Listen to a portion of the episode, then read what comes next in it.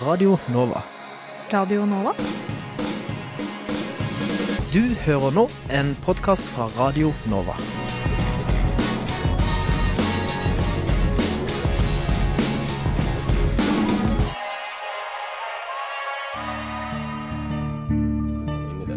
Hovedspørsmålet det hadde vært siden eh, Noam Chomsky etablerte den greina av lingvistikken som, som jeg befinner meg i. Vi håper jo på breiest mulig oppslutning om SV, og jeg tror at det eneste som kan få norsk løsner båndene mellom staten og kirka, og forhåpentligvis fører til tettere bånd mellom kirka og folk. Så hadde de gjort som andre frigjøringsbevegelser i verden, hadde de helt legitimt kanskje tatt i våpen. Og så direkte skildring av menneskeskjebner tror jeg ikke vi har sett i noen annen nyhetsdekning av noen annen terroraksjon. Det er såpass store forskjeller mellom den kalde krigen, hvor det var to stormakter som sto mot hverandre, eh, og den situasjonen vi har i dag. Du hører på samfunns- og aktualitetsmagasinet Opplysningen 99,3 på Radio Nova. Opplysningen 99,3 på Radio Nova. Hvordan måler vi egentlig integrering? Vi får besøk av en av Norges fremste eksperter. Fra krig og flyktningleir i Libanon til medisinstudenter ved Kings College i London. Vi plukker opp tråden fra forrige uke og skal snakke om en av ungdommene som skiller seg litt ut fra resten. I kjølvannet av finanskrisen og Panama Papers har skadevirkningene av bruk av skatteparadiser kommet i offentlighetens søkelys. Hvem er det som muliggjør denne bruken? Gode karakterer gir høyere lønn. Eller er du egentlig sikker på det? Vi spør en som skriver doktorgrad om sammenhengen mellom karakterer og lønn.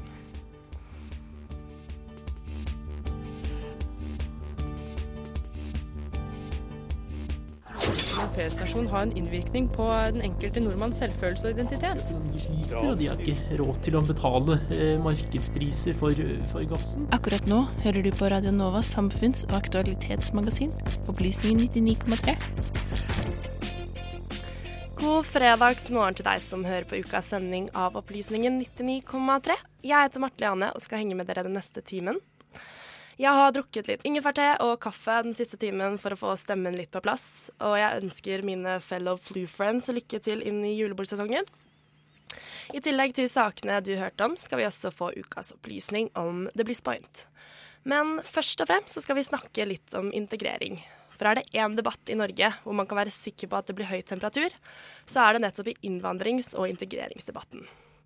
Hvordan klarer innvandrerne seg i det norske samfunnet? Her er det sterke motsetninger, ofte store forskjeller i virkelighetsoppfatningen. Og hvordan måler vi det egentlig? Akkurat det har han vi har besøk av i studio, brukt en karriere på å undersøke.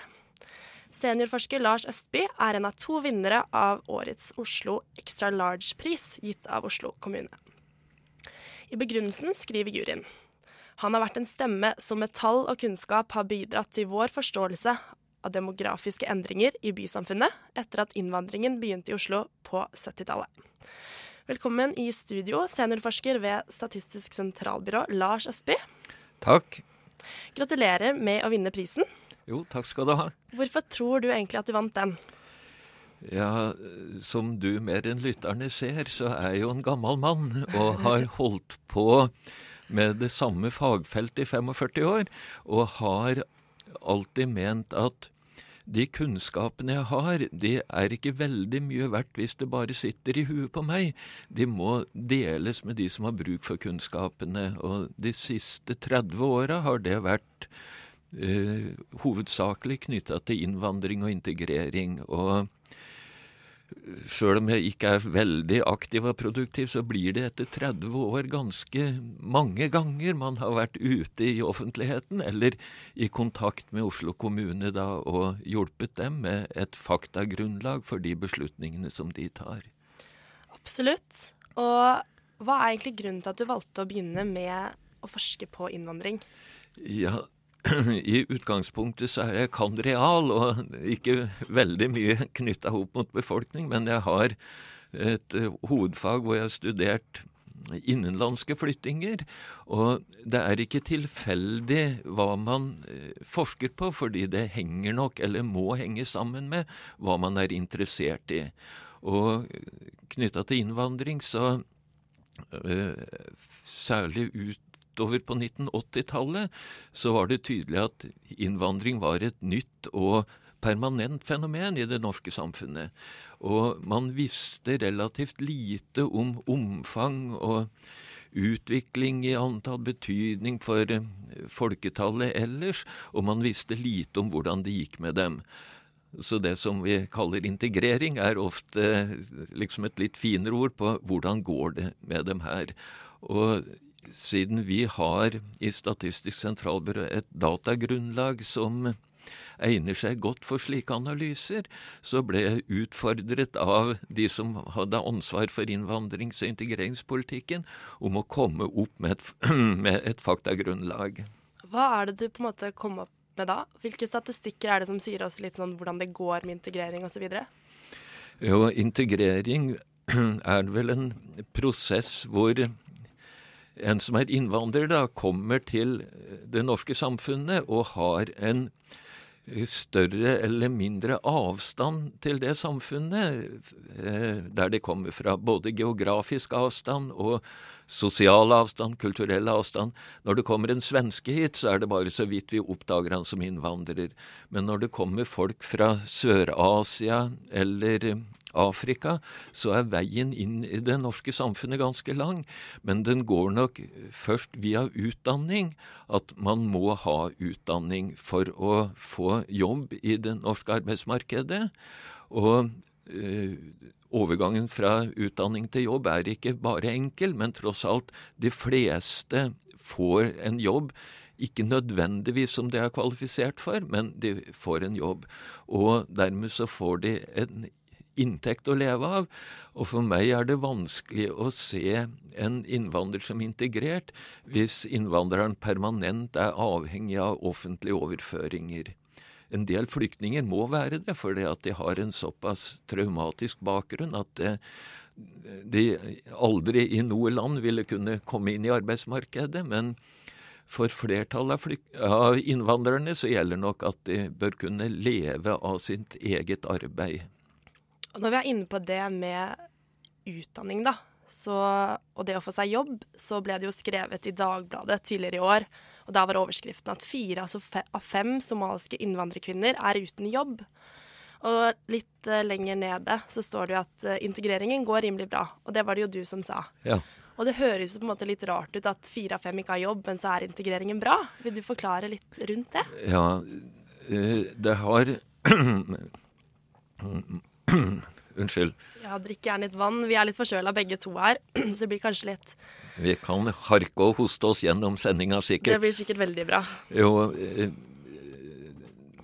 sysselsettingsprosenten, altså at bare 20% av somaliske kvinner er i jobb, det er jo et integreringsproblem. Men vi skal huske på at somaliske kvinner utgjør omtrent 2 eh, av innvandrerbefolkningen i Norge.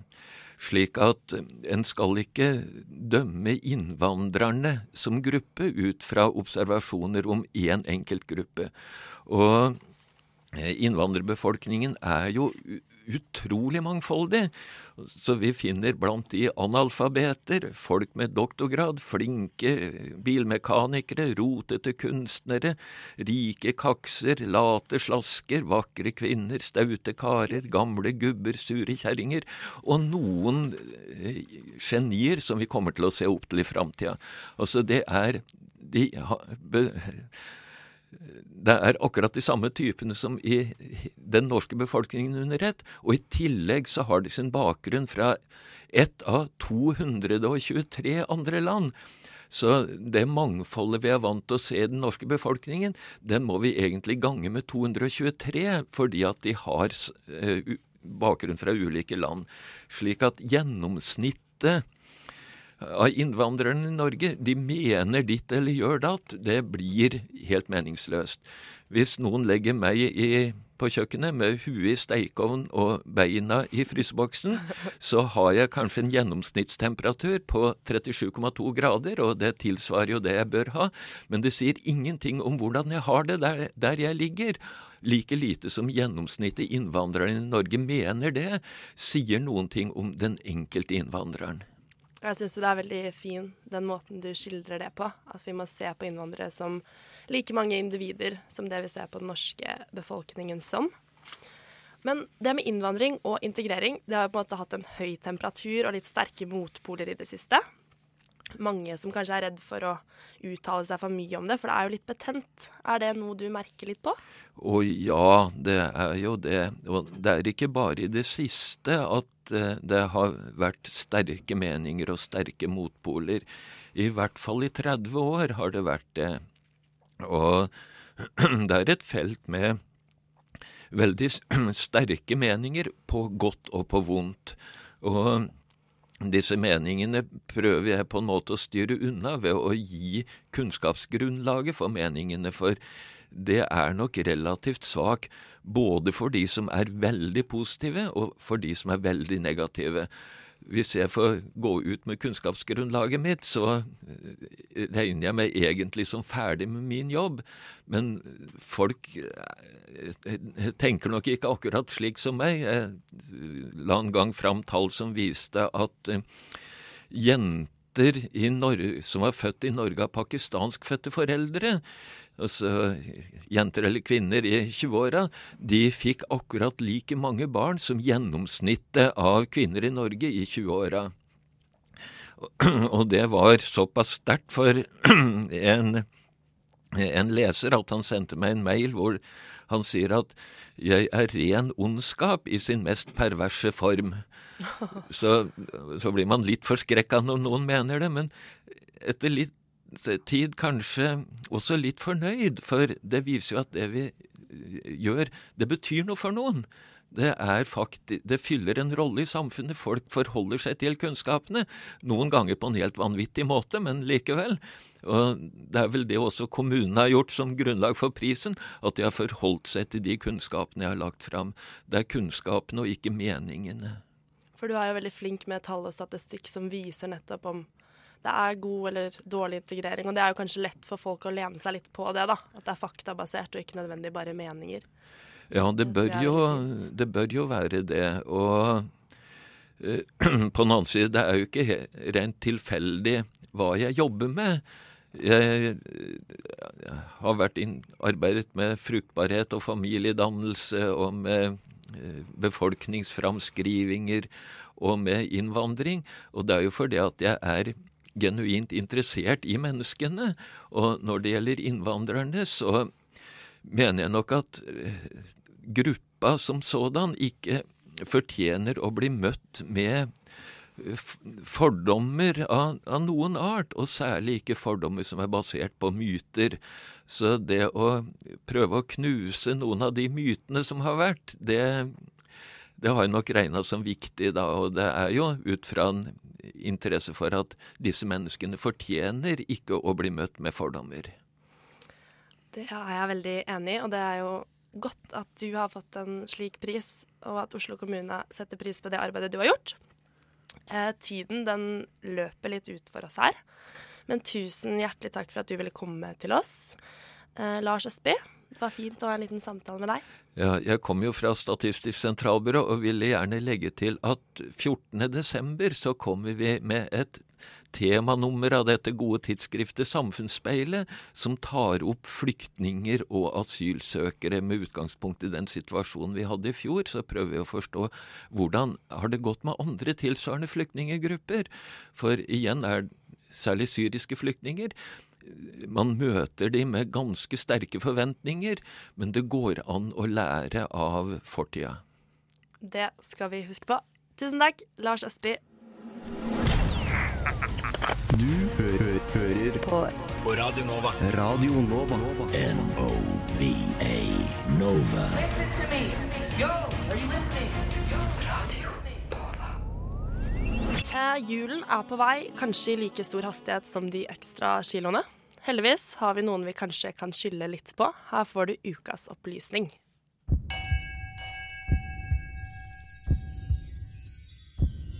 Ukas opplysning. Du har sikkert opplevd det før. Du har maten foran deg. Du skal være flink og har bestemt deg for å ta bare én bit. Men viljen svikter, og du tar en til og en til og enda en bit går sakte, men sikkert inn i gapet og ned i magen. Du vet det er usunt, men du greier ikke å stoppe før det er helt tomt.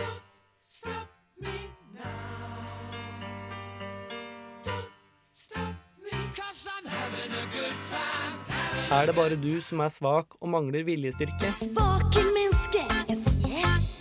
Du svake menneske. Nei, ikke nødvendigvis. Årsaken til den ustoppelige spisingen er matindustriens eget våpen, såkalte bliss point. Det er et begrep som forklarer når sammensetningen av maten har den perfekte kombinasjonen av søtt, salt og fett. Denne kombinasjonen lurer hjernen til å spise mer. Prinsippet bak The Bliss Point er like enkelt som det er genialt. Hvis maten har én sterkt dominerende smak, går hjernen fort lei, kroppen vil ikke ha mer, og du blir mett og du stopper å spise. Hvis maten derimot har en balanse mellom de tre smakene søtt, salt og fett, vil ikke kroppen sende ut disse signalene så fort. Kroppen går ikke lei, den vil derimot ha mer, og du kan fortsette å spise lenge. Det er denne perfekte kombinasjonen som på fagspråket engelsk kalles the bliss point.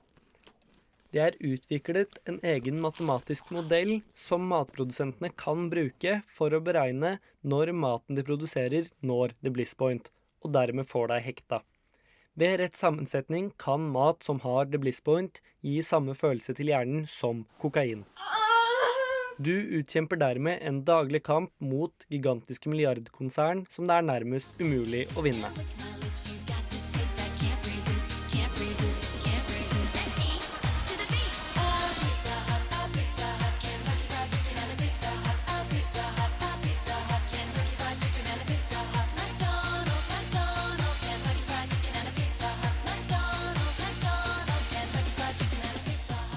Produsenten forteller deg allerede i reklamen at du har tapt. Det skal godt gjøres å spise bare én. Der fikk du ukas opplysning, laget av Vebjørn Løvaas. Nothing seems that weird anymore.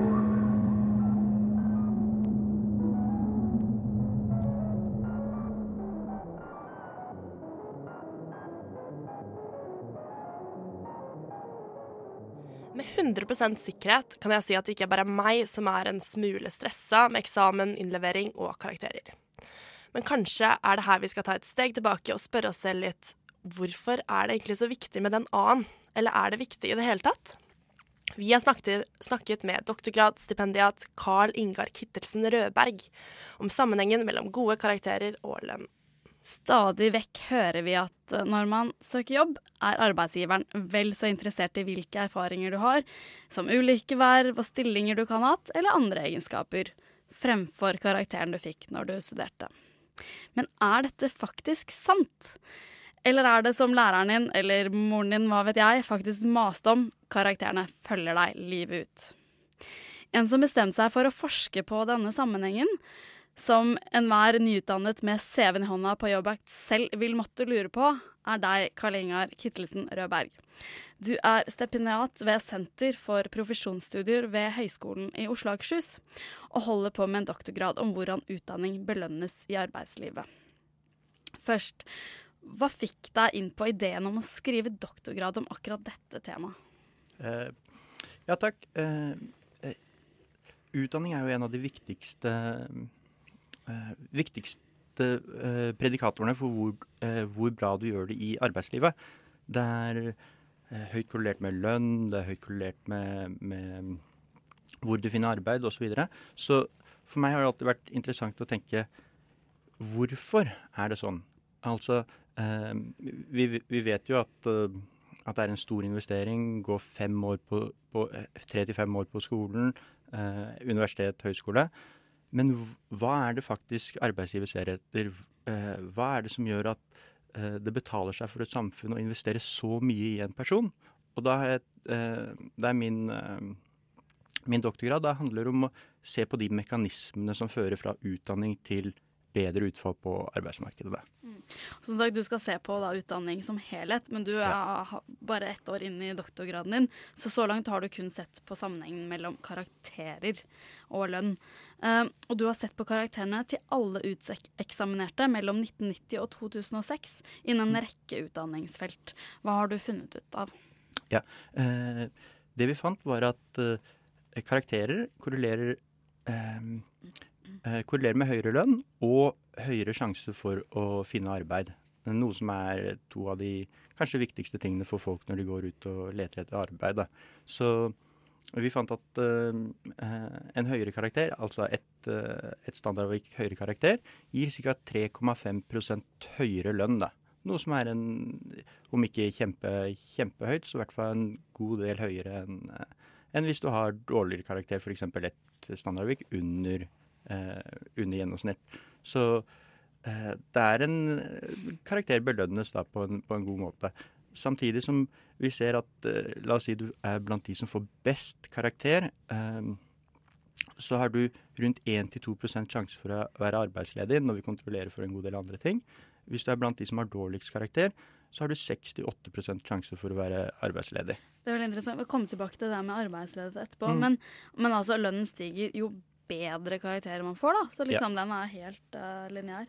Eh, de modellene vi har testa, er lineære i utgangspunktet. Så vi har ikke eh, Det er grunn til å tro at en eh, lineær fremstilling er en ganske god fremstilling av sammenhengen mellom karakterer og lønn. Eh, det er selvfølgelig mulighet for Man kunne ha sett på andre typer modeller, men for oss så var det eh, Vi var interessert i den lineære sammenhengen, da. Mm. Men er det da, som jeg innledet med, er det da en myte at erfaring eh, også teller? Altså Vi for eksempel, jeg, som bruker altfor mye tid i denne, dette radiostudioet, tenker jo Mhm. liksom at jeg kanskje kan få noe igjen for det en eller annen gang, men det er feil, da. Nei, det er veldig riktig. Uh, erfaring uh, Nå kan man jo måle erfaring på mange, mange måter, men f.eks. arbeidserfaring er en av de viktigste viktig, viktigste predikatorene for høyere lønn. Altså de første årene du jobber, stiger lønnen din eh, relativt mye. Da. Så, så det er helt klart at den erfaringen du får gjennom enten å være i arbeidslivet, og kanskje også på, på studieaktivitet ved siden av studiene, eh, unnskyld, eh, ja, eh, andre aktiviteter ved siden av studiene, kan være veldig, veldig viktig i arbeidslivet. Eh, vi har ikke testa karakterer opp mot noe annet, eh, så, så jeg kan ikke svare direkte på hva som er viktigst. Eh, det eneste jeg kan si, er at eh, karakterer er høyt korrelert med lønn, da. Men er det egentlig en nyhet? Altså er det egentlig en nyhet at både å ha bra karakterer og ha bred erfaring er fordel for å få god lønn? Er det en nyhet? Eh, innenfor forskningsverdenen så er dette relativt kjent. Altså det er flere studier som har sett på dette. Eh, vår studie ser på under hvilke forhold er det du får ekstra godt betalt. Eh, eksempel så er det sånn at innenfor noen, eh, noen, eh, noen eh, type fag så får du nesten ikke betalt for, for, høyere, for, for bedre karakter. Mens i andre så er det en veldig stor, stor belønning da, for, for høye karakterer. Men ja, Du sier at det er store forskjeller på Mm. hvordan man avlønnes eh, i ulike deler av arbeidsmarkedet. Men Mm. er det ikke da det enkelte arbeids, den enkelte delen av arbeidsmarkedet den enkelte havner i, som er avgjørende for lønna, og ikke karakteren i seg selv? Er ikke det liksom bare karakterene bare ja, Eh, ja, du er inne på noe viktig der. Eh, karakterer er viktig, men hvilke At du i det hele tatt valgte utdanning, eh, og hvilket felt du eh, velger, er selvfølgelig de, eh, de, de viktigste valgene du tar.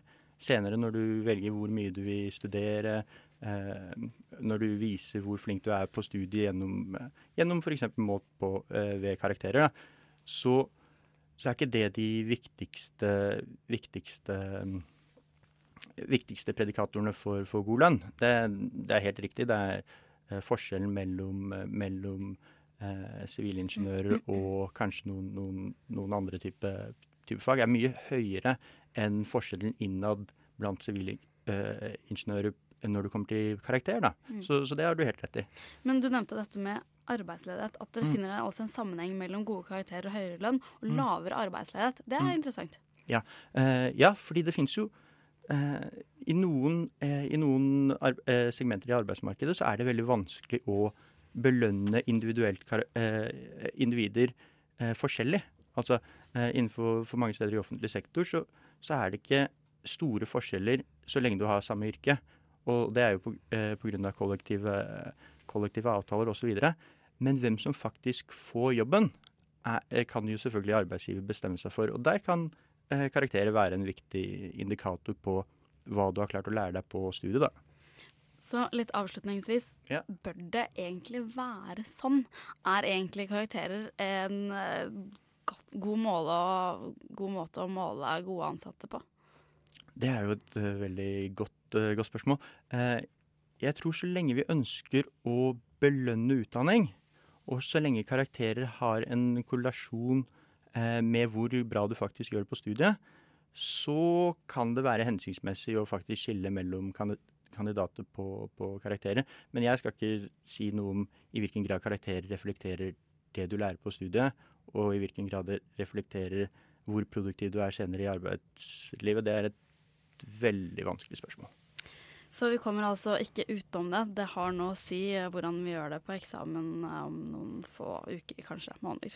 Eh, Tusen takk til eh, deg, Karl Ingar Kittelsen Rødberg. Du er altså stipendiat ved Senter for profesjonsstudier ved Høgskolen i Oslo og Akershus. Visste du at som norsk statsborger må du betale nesten 200 000 kroner mer for en treårig bachelorgrad enn det studenter Det er et land som på en måte er eh, stadig i konflikt, og som har vært igjennom eh, mye konflikt. Markedsføringen av Norge som en fredsnasjon har en innvirkning på den enkelte nordmanns selvfølelse og identitet. sliter, og de har ikke råd til å betale eh, markedspriser for, for gassen.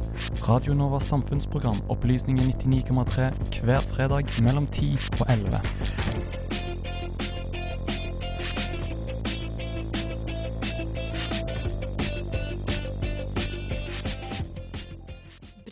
av skatteparadiser har vært i rask utvikling. Etter Panama Papers-lekkasjen og finanskrisen i Europa har de problematiske sidene ved skatteparadiser fått økt oppmerksomhet. Den største delen av aktører som rådgir selskaper og privatpersoner tar i bruk skatteparadiser, eller som tar i bruk skatteparadiser, er lovlydige folk.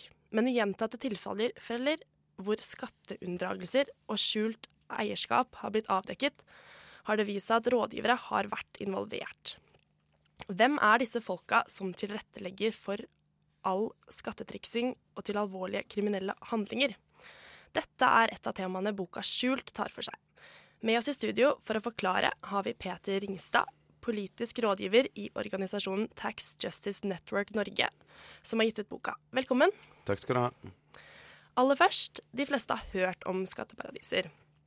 Men vi vil vite litt mer om hva det er før vi setter i gang. Hvilke grunner kan en privatperson ha for å ta i bruk disse? Ja, eh, For å ta det først, først, da. Eh, skatteparadis. altså Som du sier, de fleste har hørt om skatteparadis og fått med seg at det har noe med penger å gjøre, og at det eh, har eh, på en måte negative assosiasjoner. da, At det er noe dumt og, skadelig. Men eh, kanskje ikke så lett å forstå akkurat hva det som gjør et skatteparadis. Um, noen land er jo sånn uh, automatisk at man assosierer med, med skatteparadis. Sveits f.eks. Uh, eller uh, sånne solfylte øyer i Karibien som Cayman Islands og sånne ting. Um, det du kan si kjennetegner skatteparadis, er at det er land som har brukt lovverket sitt. Altså alle land kan skrive sine egne lover og regler. Um, og så har de brukt de uh, mulighetene de har til å skrive lover, uh, til å skrive lover som de vet er veldig attraktive uh, for folk utafor landet sitt. og så innretter de lovene sånn at noen deler av sin egen næring, f.eks. banknæringa, vil kunne tiltrekke seg kunder fra hele verden. Um, F.eks. Uh, for å unnslippe skatt, eller for å slippe å rapportere på regnskap, eller gjøre andre ting. Um, så det du kan si, er at uh, litt sånn forenkla altså, Ofte så handler det lovverket om da skattenivå. Uh, men det kan også være det å kunne unnslippe identitet, altså oppgi identiteten din. Uh, du kan eie et selskap, f.eks. Uh, anonymt. Um, eller det kan være for å unngå strenge reguleringer på bank bankvirksomhet, altså hvor mye penger du må ha for å låne ut penger videre og sånne ting. Um, så litt sånn teoretisk så kan man si at det, det, du bruker da lovverket i det landet uh, for å la folk fra andre land unnslippe lovverkene i sine land. Um, ja. Men er det sånn at all bruk av eh, skatteparadiser er ulovlig, eller er det på en måte greit? Er det en stor gråsone der? Ja, altså Hadde det vært sånn at all bruken av skatteparadis var ulovlig, så hadde det på en måte vært veldig enkelt å forholde seg til. Eh, dessverre så er det veldig komplisert å forholde seg til skatteparadis. Uh, og det er fordi at det er ikke sånn at bruken uh, nødvendigvis er ulovlig. Um, det vi kan si, er at skatteparadisene egentlig eh, tilbyr et rammeverk som eh, er helt sånn perfekt tilrettelagt eh, dersom du har eh, uhederlige hensikter. Um, så for å ta et eksempel, da, hvis du er en norsk statsborger uh, og du har 100 millioner kroner uh, i kapital, um, så har du en plikt til å oppgi det uh, til norske skattemyndigheter, sånn at de kan skattlegge, formuebeskatte det, liksom. Um, så kan du flytte de pengene til et skatteparadis. Um, og det er ikke noe ulovlig med det, men med en gang du skjuler de pengene fra norske skattemyndigheter, så har du gjort noe ulovlig. Um, og skatteparadisene er jo perfekt for å skjule, men det er ikke sånn at eh, det er dermed sagt at du ikke forteller norske skattemyndigheter om det. Ja, Så det, den type gråsoner er det som finnes. Dere har også gitt ut boka 'Skjult', hvor det er en rekke artikler, eh, og det skal gi et innblikk i hvor skattefeltet står. Et av temaene som tas opp, er aktørene som har bidratt til oppblomstringen av skatteparadislover eller bruken av skatteparadis. Og hvem er disse aktørene?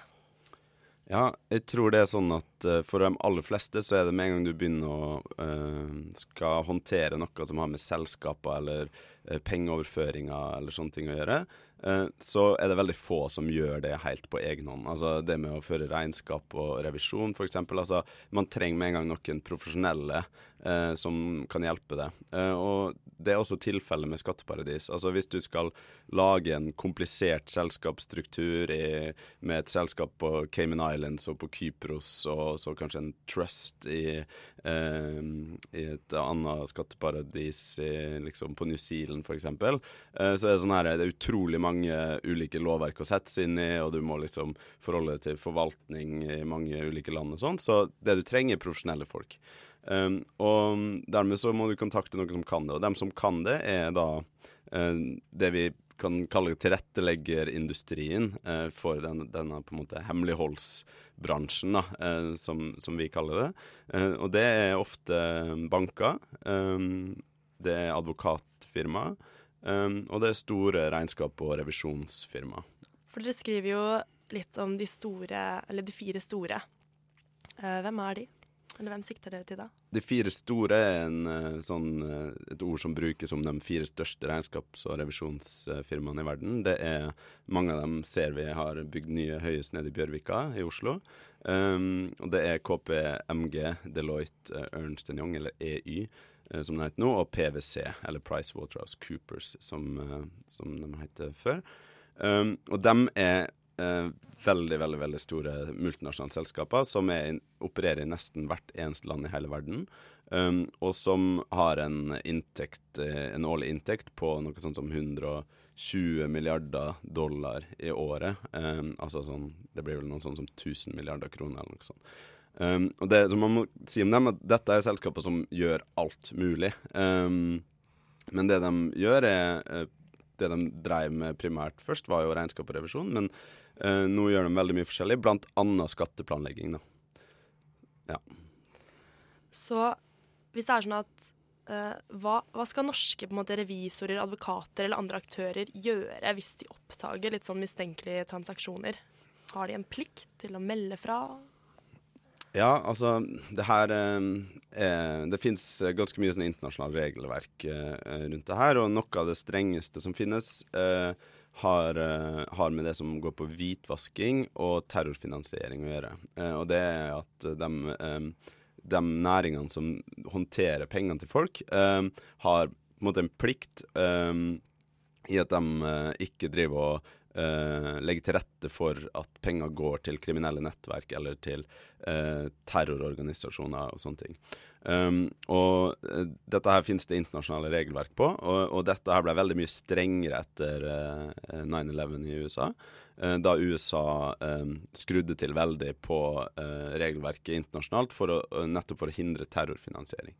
Det det går på helt spesifikt, er at eh, da finansforetakene, bankene osv., uh, må vite hvem det er som egentlig står bak en bankkonto i deres bank, f.eks. Uh, og det kan være ganske krevende. Um, og dersom de oppfatter det som uh, mistenkelig, da, altså at uh, det OK, her er det utenlands, et utenlandsk selskap som uh, Det er noen navn der som er familiemedlemmer til en politiker i et konfliktland eller et eller annet sånt, så har de en plikt til å varsle om det som heter en mistenkelig transaksjon. da. Um, ja, og det, og det varsles da inn til myndighetene om at her er vi liksom usikre på om alt er stuereint. Er det sånn at de som oftest rapporterer, eller? Ja, altså dette er det veldig stor uh, variasjon uh, på. Um, så uh, det skriver vi bl.a. litt om i, i Skjult. Det vi ser er at noen bransjer gjør dette her veldig sånn eh, som en del av sine rutiner. F.eks. banker, der det rapporteres over 3000 sånne mistenkelige transaksjoner i, i året. Mens andre bransjer har en mye mer sånn eh, eh, kultur, tror jeg, for, eh, for det å være lojale overfor kundene sine. og, og har en mye høyere terskel for å rapportere dem inn til myndighetene. Så eksempel fra advokater så kom det i 2015 bare inn seks mistenkelige transaksjoner i 2015. Dere skriver jo i skjult eh, mye som er til studenter og for studenter, så jeg håper dere får nådd ut til de. Tiden renner litt ut for oss her, merker jeg. Men uh, tusen hjertelig takk for at du kom i studio, Peter Ringstad, politisk rådgiver i Tax Justice Network Norge. Takk for at jeg fikk komme. Uh, yes, det var faktisk det vi hadde for i dag. Og takk for at du har hørt på oss i Opplysningen 99,3. Jeg håper at alle har skaffa seg varme jakker, eller at arbeidsdagen blir litt kortere. Eller at du får en skikkelig, skikkelig fin fredag. Bidragsytere i sendinga har vært Hanne Kjærland Olsen, Vebjørn Løvaas og Rebekka Handeland. Tekniker har vært Henrik Slåen. Mitt navn er Marte Leane Bleken Klemstad. Du har hørt en podkast fra Radio Nova. Likte du det du hørte? Du finner flere podkaster i iTunes og på våre hjemmesider radionova.no. Admiral.